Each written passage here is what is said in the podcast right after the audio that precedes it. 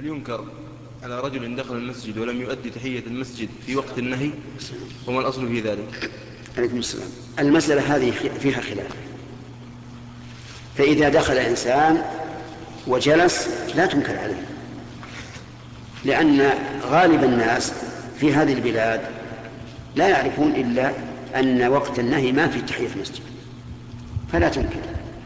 لكن إن كنت ترى أن الرجل سيقبل منك فإذا انتهى من الصلاة قل له يا أخي مثلا إني سمعت أن إن تحية المسجد ما عنه نهي فقط. ولا تزل على هذا. نعم؟ الصحيح ما عليه. الصحيح ما عليه. أنها تصلى كل وقت تخرج المسجد. أي وقت تدخل المسجد صلي.